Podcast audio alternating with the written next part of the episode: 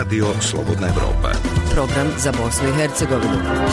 Na vratima Evrope. Emisija o evropskim integracijama. Dobar dan, poštovani slušalci. Ja sam Dženana Halimović i u narednih pola sata donosimo vam zanimljive priče iz kojih izdvajamo. Od 1. jula se ukida naknada za roaming u regiji. First and foremost, it means that the mobile fees in... Kao prvo i najvažnije mobilne takse u našoj regiji potpuno će nestati 1. jula. U prijevodu to će značiti da će građani imati malo više novca u džepu, onoga koji bi bio potrošen ako bi plaćali te račune u regiji zbog tarifa uzrokovanih roamingom. U Sarajevu je otvoreno prvo genetičko savjetovalište u Bosni i Hercegovini. Danas je sve veći broj uh, gubljenja ploda gdje se dešava veliki broj spontanih pobačaja i većina tih spontanja, ako ne 90% povezana je sa uh, genetičkim an anomalijama, odnosno abnormalnostima, gdje, ljud, gdje ginekolozi, ljudi koji leže tim pacijentima često traže pomoć genetičara. Hoće li Minska polja u Bosni i Hercegovini otkrivati i pčele?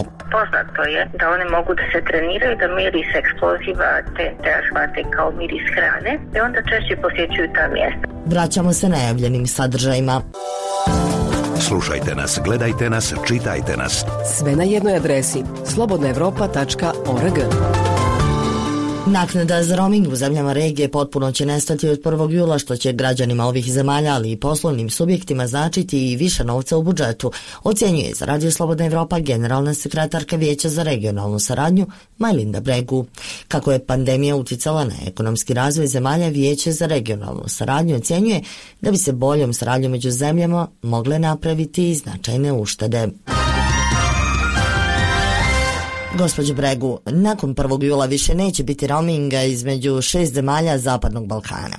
Šta će to značiti u smislu dobrobiti po građane, ali i poslovne subjekte? Well, first and foremost, it means that the mobile fees... Kao prvo i najvažnije mobilne takse u našoj regiji potpuno će nestati 1. jula.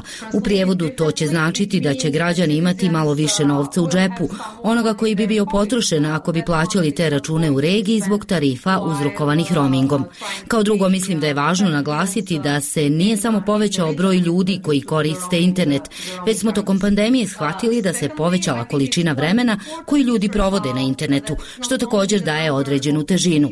Primijetili smo da mladi u regiji smatraju olakšice u roamingu jednako korisne kao slobodu kretanja i smatram da će i za ovu target grupu ovo biti odlična poruka. Kada pročitamo podatke iz recimo dvije godine unazad, kada su naknade za roaming počele da padaju, s ponosom možemo reći da smo povećali svjesnost ljudi u regiji i da jedan od dva građanina Zapadnog Balkana smatra da je regionalni sporazum o roamingu pomogao da uštede mnogo novca. To je jako korisno i za poslovnu zajednicu također, te je imalo pozitivan uticaj na njih. 38% poslovnih subjekata u regiji kažu kako im je to mnogo pomoglo, ali ima i 28% onih koji nisu svjesni regionalnog sporazuma i zato ćemo sada početi recimo solidnu i veliku kampanju o tome šta se dešava nakon 1. jula. Smanjenje i implementacija sporazuma o roamingu u prvim mjesecima je pokazala povećanje u protoku informacija, dok je roaming u regiji praćen značajnim smanjenjem troškova roaminga. Mada bilo je teško putovati tokom protekle godine zbog pandemije, ali smanjenje je od 83 do 96%.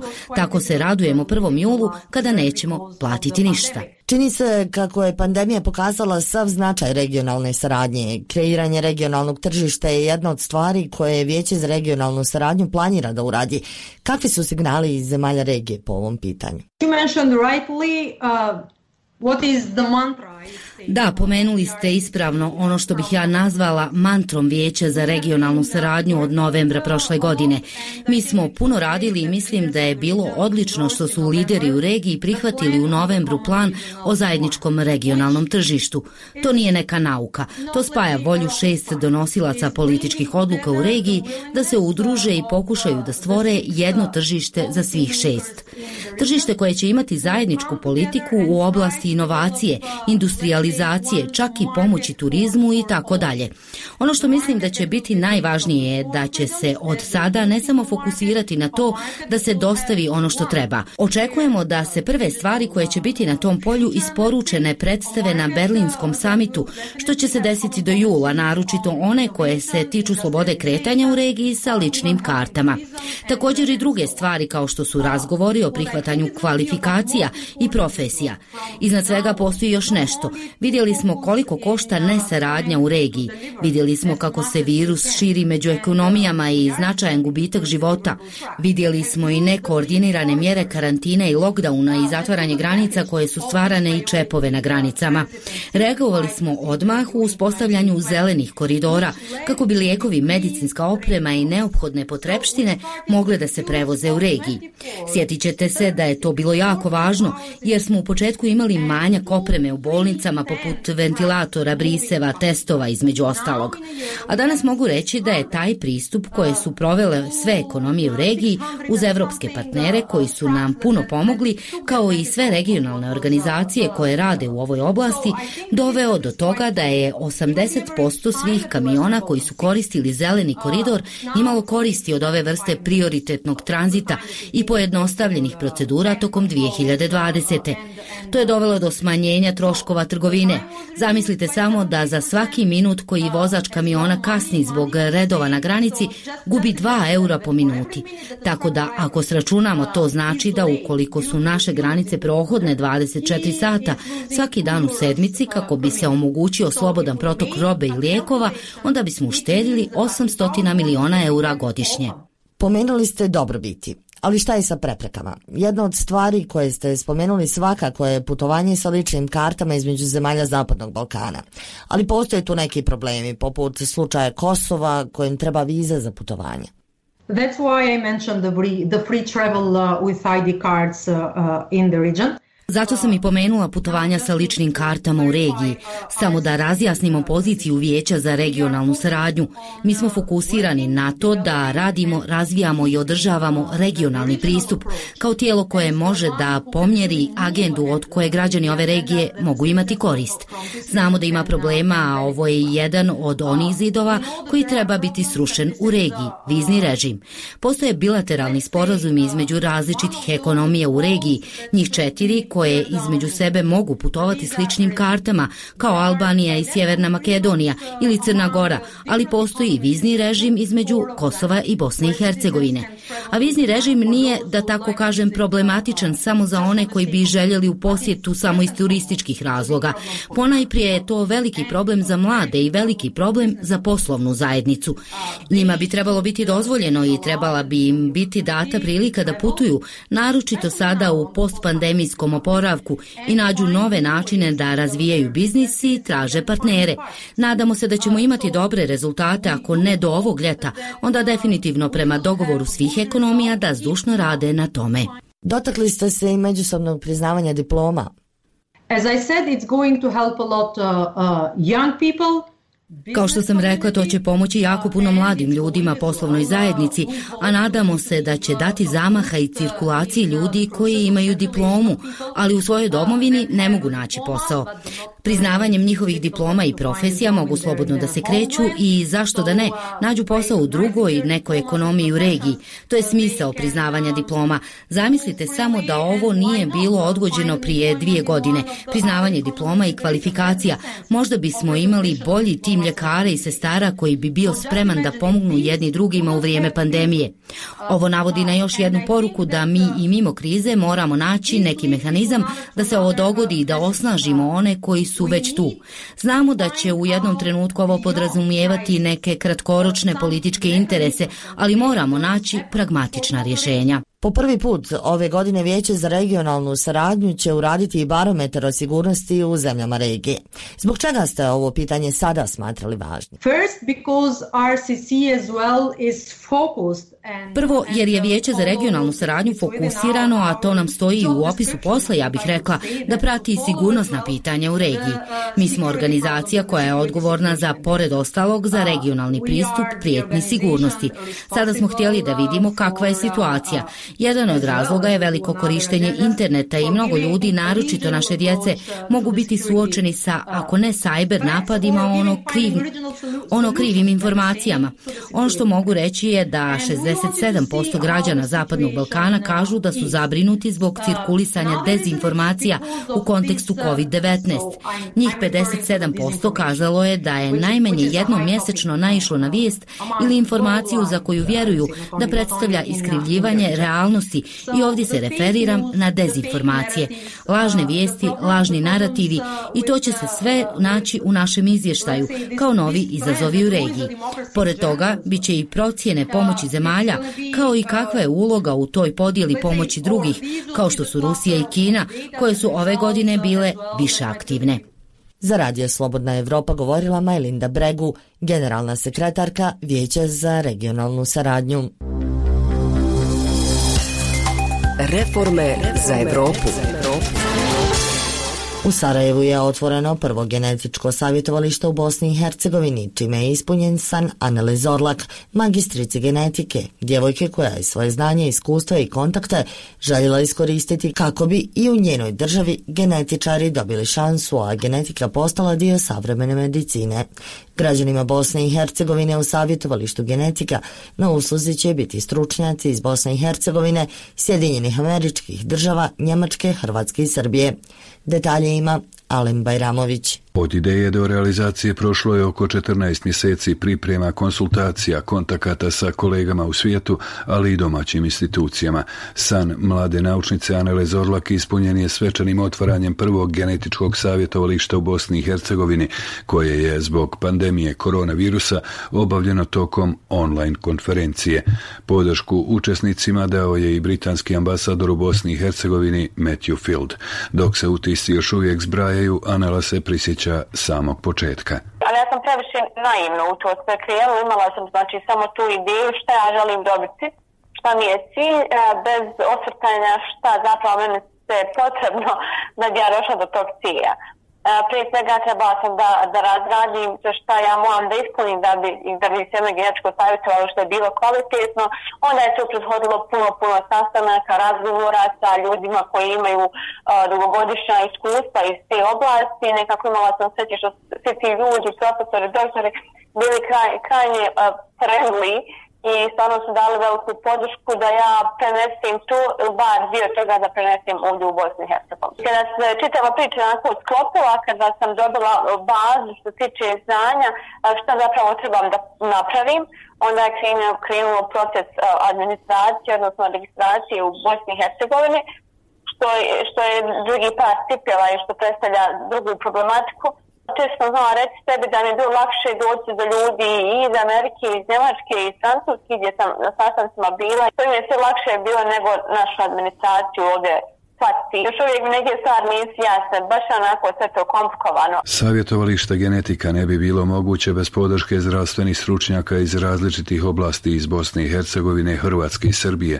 a blisko će sarađivati i sa kolegama u Sjedinjenim američkim državama i Njemačkoj, prvenstveno genetičkim centrom u Njujorku. Godinu i par mjeseci nakon prvog sastanka, nakon prvog suspa sa tim ljudima, uh, ponosno mogu reći da su oni jedna od temelja, ako ne i bazi čitave, čitave ove priče, gdje ćemo imati na raspolaganju u centru koji je u Sarajevu, koji je u Bosni i Hercegovini, imat ćemo na raspolaganju uh, kompletan tim uh, genetičkog centra iz Njujorka, to jeste genetičare, genetičke savjetnike, ljude iz Bosne i Hercegovine koji se meni obrati. Uh, ja ću moći taj slučaj da izložim u, na, na, na vijeću, na, na konziliju genetičkog centra Njujork, zatim klinike i stručnjaci iz Njemačke. To što kažem baš onako dvije važne komponente. Zorlak ističe kako kapacitet prvog bosansko-hercegovačkog savjetovališta ne predstavljaju velike zgrade, već najbolji genetičari, stručnjaci iz prenatalne diagnostike, onkologije, pedijatrije i drugih oblasti na koje će se u početku fokusirati. Međutim, građanima Bosne i Hercegovine najprije potrebno pojasniti kakve usluge mogu dobiti u savjetovalištu i zašto je genetika u savremenoj medicini sastavni dio dijagnostičkih pretraga. Danas je sve veći broj uh, gubljenja ploda gdje se dešava veliki broj spontanih pobačaja i većina tih spontanja, ako ne 90% povezana je sa genetičkim anomalijama, odnosno abnormalnostima, gdje, ljud, gdje ginekolozi, ljudi koji leže tim pacijentima često traže pomoć genetičara. Tu, ćemo, tu će moći genetičara iz centra recimo da uskoče. uskoče. To su jako najedno, da kažemo najjednostavniji slučaj. Također sigurno se, se, se okrenete u svojoj okolini i možete da vidite da uvijek na glas, nažalost, i se osjetljiva tema, da je sve više i više djece uh, pogođeno različitim sindromima.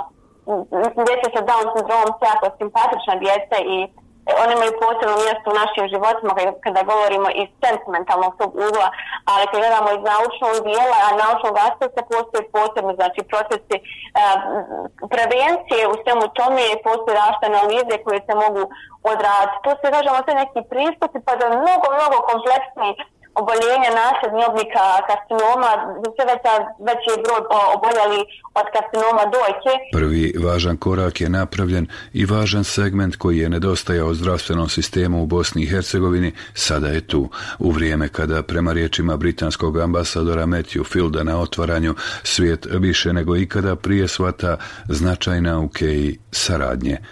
Za radio Slobodna Europa iz Goražda, Alen Bajramović. Još jedna priča iz sfere nauke. Stručnjaci iz Bosne i Hercegovine, Hrvatske i Velike Britanije pokušavaju da pronađu odgovore na probleme koji su se pojavili u ranijim istraživanjima o korištenju pčela za otkrivanje mina.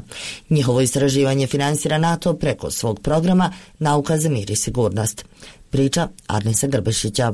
Pčele mogu otkrivati mine. To je odavno poznato, ali u dosadašnjim ispitivanjima istraživači su naišli na probleme koji još nisu riješeni. Njima je posvećeno međunarodno istraživanje u kojem učestvuju i profesori sa Elektrotehničkog fakulteta u Banja Luci, kod direktorica projekta u Bosni i Hercegovini profesorica Zdenka Babić. Poznato je da one mogu da se treniraju da miris eksploziva TNT shvate kao miris hrane i onda češće posjećuju ta mjesta. Međutim, prilično je velik problem kako ih onda pronaći u polju, kako detektovati ta mjesta gdje se one skupljaju i koja su potencijalno zagađena eksplozivom. Projekat traje tri godine i u završnoj fazi. Univerzitetska profesorica iz Banja Luke nada se da će biti riješen bar dijelit zagonetke o otkrivanju pčela na željenim ciljevima u minskim poljima. Dakle, da se pčele onda, znači iznad tog polja gdje one lete snimaju bespilotnim letjelicama koji su opremljene kamerama jako visoke rezolucije i da se onda automatskom analizom tog e, snimljenog videa pronađu mjesta, znači detektuju pčele. Tu je najveći problem taj što su pčele male, što su jako mali objekti kad ih snimate sa visine 5 do 10 metara, teško su i okom vidljivi, međutim, evo, mi tu imamo rezultate, publikovali smo ih i nadamo se da će to biti jedan mali doprinos da se ta ideja jednog dana dovede do kraja, znači da to zaista uđe u neku praktičnu primjenu. Član projektnog tima na Banjalučkom elektrotehničkom fakultetu je i profesor Vladimir Risvević. Ideja projekta je da se iskoriste biološke metode, naime konkretno pčele, u saradnji sa tehnološkim dostignućima, sa nekim novim materijalima, organskim poluprovodnicima, dronovima i tehnikama računarskog vida da bi se lakše mogle otkriti neeksplodirane minsko-eksplozivna sredstva, konkretno recimo nagazne mine. Hrvatski centar za razminiranje, centar za testiranje, razvoj i obuku iz Zagreba je nosilac projekta, u kojem još učestvuju Zagrebački fakultet prometnih znanosti i Univerzitet St. Andrews iz Škotske. U ovakvim istraživanjima neophodno je učešće više stručnjaka, kaže profesorica Zdenka Babić. Ono čim se mi zapravo bavimo je obrada i analiza signala. U ovom konkretnom slučaju to je video signal. Kolege sa fakulteta prometnih znanosti su realizovali svoje znači dronove sa tačnim georeferenciranjem. Znači ima tu problema i sa te strane, znači tako da su oni rješavali te probleme, a ovaj tim sa St. Andrews univerziteta, oni su se bavili tim takozvanim pasivnim metodom jer su oni razvijali specijalne polimere na kojima pčele prilikom ulaska u košnicu ostavljaju sve što prikupe usput, pa i potencijalno čestice eksploziva i onda ih analiziraju u laboratoriji da bi otkrili da li na polimerima ima čestice eksploziva. Ako ima, onda tu negdje postoji. U posljednjih 20 godina rađeno je više istraživanja o upotrebi pčela kao bioloških senzora, ne samo za otkrivanje eksploziva, nego i drugih štetnih materija, veli profesor Vladimir Isvević. Naš dodatak u ovom projektu je dakle da povežemo upotrebu pčela kao biosenzora sa tehnologijom koja bi nam omogućila da zaista potvrdimo da su pčele nešto pronašle jer inače bi to zahtijevalo opet ljudski neki nadzor i slično. Mi, mi želimo da te, tu proceduru što je moguće više automatizujemo. Naša je namjera da u toku ovog projekta na tesnom minskom polju kojim upravlja Hrvatski centar za razminiranje napravimo testove u kojima ćemo povezati sve te neke segmente na kojima smo radili. Naš cilj u ovom projektu nije da iziđemo na teren. Učesnici u projektu su zapravo akademske grupe i naši ciljevi su isključivo istraživački. Dakle, mi nismo uključeni u same aktivnosti na razminiranju. Nije planirano da koristimo pčele i, i ovu tehnologiju na, na terenu. Znači, cilj nam je samo da pokažemo e, mogućnost e, iskorištenja u istraživanje je uloženo oko 400.000 eura. Finansirano je u okviru programa Nauka za mir i sigurnost NATO Saveza. Ponovo kod direktorica istraživanja za Bosnu i Hercegovinu Zdenka Babić. Još uvijek se mi nismo izborili, recimo, da ne pričamo sad da je sve riješeno. Šta ako je minsko polje u šumi? Nemoguće je vidjeti kroz šumu, znači pčelu. Već e, je ono što mi vidimo prvenstveno da bi ovaj metod mogao da se primjenjuje u, nakon razminiranja, znači za kontrolu kvaliteta i sigurnosti poslije, kad je već polje čisto i kad sad to, mislim kako se sad radi. Radi se tako da pas čovjek sa psom ide i pre, a, provjeri malo područje, nemoguće da pretraži sve. Međutim, ako pustite pčele, one pretraže kompletno razminirano polje. Znači tu vidimo prednost ovog. Sigurno je da će proći još podosta vremena dok to uđe u upotrebu, ali se nadamo da jednog dana hoće, jer zaista postoji istraživački radovi da su recimo pčele imaju veću sposobnost i bolje detektuju recimo nego psi ako se pravilno obuče. To nisu naše istraživanja, to su tuđa istraživanja. Kažem, ono što nije riješeno do sada je baš ta detekcija pčela, detekcija malih objekata. E to je segment u kojem smo mi pokušali da damo doprinos i taj rezultat nadamo se da je značajan koji će možda dati novi neki impuls da se da ta metoda ipak uđe možda u potrebu. Iz Doboja za radio Slobodna Evropa, Arnes Grbešić. Zanima vas što se dešava u regiji? Radio, TV, video. Sve možete naći na slobodnaevropa.org. Nacionalni park Una i tokom pandemije se pokazao kao destinacija privlačna za turiste, mada je zabilježen pad broja posjetilaca i mada turizam širom svijeta trpi ogromne štete zbog pandemije, u Nacionalnom parku Una su optimisti i vjeruju da će naredna sezona biti puno bolja. U toku je realizacija nekoliko projekata čiji je cilj stvoriti kvalitetnije preduvjete za novu sezonu, a značajniji povratak inostranih turista vezuju za stabilizaciju epidemiološke situacije. Slušamo азырбайрич Nacionalni park Una jedna je od nezaobilaznih destinacija za turiste koji dolaze u Bosnu i Hercegovinu, ali i za BH građane posebno u vremenu pandemije. Nakon prošlogodišnjeg pada broja posjetilaca za 58% u odnosu na prethodnu, u martu ove godine zabilježen je pad od svega 15% u odnosu na isti mjesec rekordne 2019. Stoga je direktor preduzeća Nacionalni park Una Amarildo Mulić optimista, tim prije jer su realizirani ili pripremljeni bitni infrastrukturni projekti poput vodovodne mreže Orašac-Štrbački buk. Koja je išla trasom puta koji je upravo tema modernizacije asfaltiranja u ovim momentima i evo projekat modernizacije asfaltiranja sa regulacijom oborinskih voda prilaznog puta od Oraša do Štrbačkog buka u prvoj fazi, dužine od 5200 metara je u završnoj fazi Nacionalni park Una u svojim dugoročnim planovima ima namjeru izgraditi žičaru, koja bi povezala Kulenvakov sa starim gradom Ostrovica. Raspisan je i javni poziv za izradu idejnog projekta, koji će dati smjernice o mogućnostima realizacije i neophodnim sredstvima. Naš cilj je u stvari da stvaramo uslove, to je dugoročna vizija razvoja i povezivanja srednjoekonog rada sa mjestom Orašcom. Kroz moguću realizaciju u budućnosti želimo povezati prirodu, ljude i kulturno-istorijsku baštinu, a u stvari kada uradimo projektnu dokumentaciju, tad ćemo biti ozbiljni da možemo se kretati na financijskom tržištima, tražiti investicione fondove, tražiti kreditne linije, tražiti investitora koji bi ušao u realizaciju ovog zanimljivog i bitnog projekta i nova atrakcija i nove vizure i perspektive za razvoj celokupnog područja, ali naravno stvoriti uslove da pojedinci, žitelji i svi oni koji imaju interes od razvoja turizma i koji žele da ulažu u područje nacionalnog parka da pronađu svoj interes, a posebno lokalno stanovništvo koji živi u području nacionalnog parka. Raduju se ovakvim najavama mještani naselja unutar parka, a dotad vjeruju da će za ovo područje domaći gosti pokazati veće zanimanje. Jasmina Kurtagić, predsjednica udruženja Žena Kulem Vakuf.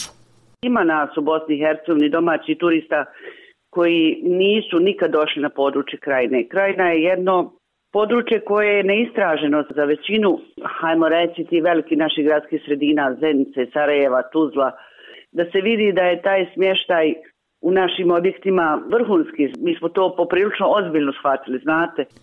U Nacionalnom parku Una vjeruju da će se, kada se stabilizira epidemiološka situacija, lagano vraćati i tradicionalna tržišta, regionalna, evropska, ali i ona bliskog istoka.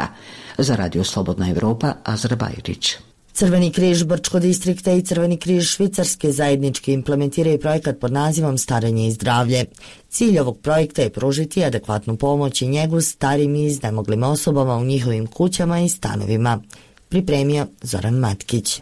Polovinom 2020. godine vlada Brčko distrikta odlučila je da se uključi u projekat Starenje i zdravlje. Osim Brčko distrikta, ovaj projekat će se realizirati u općinama Žepče, Prnjavor, Kalesija i Foča. Ožujku mjesecu ove godine predstavnici ovih pet lokalnih zajednica potpisali su u Tuzli sa Švicarskim crvenim križem projektni ugovor kojim su regulirane međusobne obveze. Predstojnik odjela za zdravstvo i ostale usluge u vladi Brčko distrikta Sead Šadić.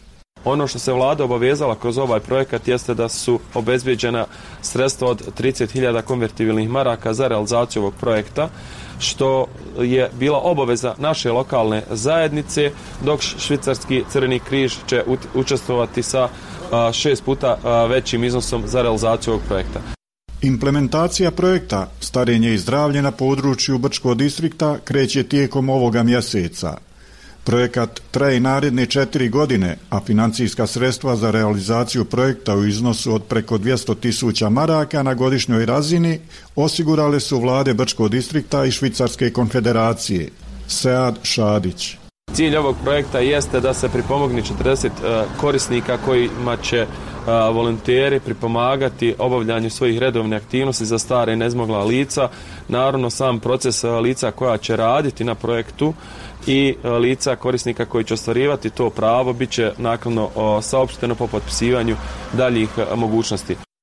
Projekat Starenje i zdravlje, pored humane, ima i ekonomsku dimenziju. Poznato je da starije osobe više vole da budu u svojim kućama i stanovima gdje im je omogućena adekvatna pomoć. Ekonomska se pak ogleda u činjenici da troškovi smještaja u domu za starije iznemogle osobe budu i do pet puta veći. Za Radio Slobodna Europa iz Brčkog distrikta Zoran Matkić. Slike svakodnevnice šta muči ili inspiriše mlade kako prošle političke odluke utiču na našu budućnost. Ove i druge teme slušajte u podcastima Radija Slobodna Europa. Sve epizode pronađite na iTunesu, Spotify, Google podcastima, kao i na slobodnaevropa.org. Slušajte odmah ili preuzmite epizodu za kasnije. Tu smo svakog dana. Podcast i radija Slobodna Evropa. Došli smo i do kraja ovo sedmične emisije. Brojne zanimljive sadržaje možete naći na web stranici slobodnaevropa.org. Podcaste za viri ispod površine glasom mladih i između redova potražite na Facebooku i Twitteru kao i na Spotify, Google podcastima i iTunesu. I Sarajeva vas pozdravljaju Zoran Mijetović i Dženana Halimović.